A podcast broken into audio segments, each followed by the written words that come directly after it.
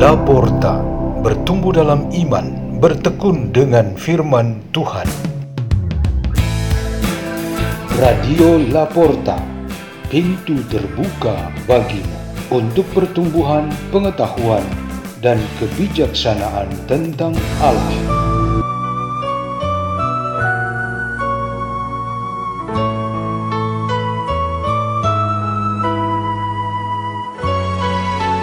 Bacaan dan Renungan Sabda Tuhan Hari Senin, Pekan Biasa ke-30, 25 Oktober 2021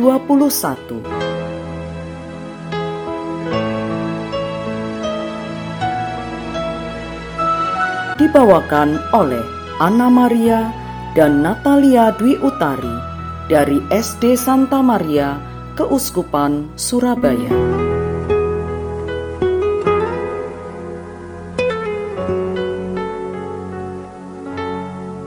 Bacaan dari surat Rasul Paulus kepada jemaat di Roma. Saudara-saudara, kita ini orang berhutang, tetapi bukan kepada daging, supaya hidup menurut daging. Sebab jika kalian hidup menurut daging, kalian akan mati. Tetapi jika oleh roh kalian mematikan perbuatan-perbuatan tubuhmu, maka kalian akan hidup. Semua orang yang dipimpin roh Allah adalah anak Allah, sebab kalian menerima bukan roh perbudakan yang membuat kalian menjadi takut lagi, melainkan roh yang menjadikan kalian anak Allah. Oleh roh itu kita berseru. Aba, ya Bapa. Roh itu memberi kesaksian bersama-sama roh kita bahwa kita ini anak Allah. Dan kalau kita ini anak, berarti juga ahli waris, yakni ahli waris Allah, sama seperti Kristus. Artinya, jika kita menderita bersama dengan Dia, kita juga akan dipermuliakan bersama dengan Dia. Demikianlah sabda Tuhan.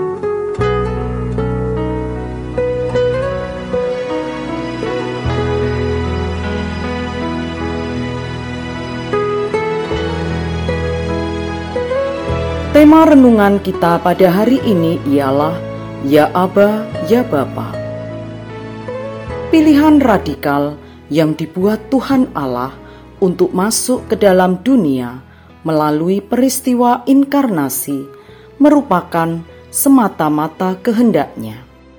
Tuhan berinisiatif membuka kesadaran dan menguatkan keyakinan kita manusia tentang amat bermaknanya inkarnasi itu bagi kita, karena Tuhan mau masuk ke dalam hidup kita. Inkarnasi itu memuncak pada sabda Allah menjelma menjadi manusia. Yesus Kristus adalah kehadiran Allah yang nyata bagi kita. Tuhan Yesus menghadirkan rahmat, berkat, dan kasih Bapa yang maha baik kepada kita, sehingga Allah yang dipandang sebelum ini amat jauh atau tidak terjangkau menjadi dekat bahkan menyatu dengan kita. Yesus Kristus menjadi Emmanuel yang berarti Allah beserta kita. Untuk mengungkapkan dan merayakan persekutuan dengan Bapa melalui cara Yesus Kristus ini, kita memiliki doa Bapa kami. Allah itu adalah Bapa kami yang mengambil bagian dalam kehidupan Kristus. Buah persekutuan ini ialah para pengikut Kristus mendapatkan martabat sebagai saudara dan saudari Yesus Kristus. Kita menyebut dan memanggil Allah sebagai Bapa dari martabat kita sebagai anak-anak yang menikmati partisipasi kita dalam keputraan Yesus Kristus. Kita bukanlah budak yang diperhamba oleh roh perbudakan, sehingga memandang Allah sebagai pihak yang menakutkan dan mengancam. Kita dipenuhi roh Allah untuk menyebut dan memperkuatkan dalam diri kita iman untuk menyebut Allah sebagai Aba ya Bapa. Ini membuat kita merasa bangga, bersyukur, istimewa, dan amat berharga. Tanda istimewa relasi kita dengan Allah yang sangat pribadi ini terungkap dalam cinta yang berkuasa dan bukan hukum yang mengatur hidup kita hubungan bapa anak atau ibu anak sejatinya ialah suatu ungkapan cinta yang sangat mendasar dan natural. Apalagi kalau hubungan itu antara Allah sebagai Bapa dan umatnya sebagai anak-anak kesayangan. Cinta itu adalah sejati.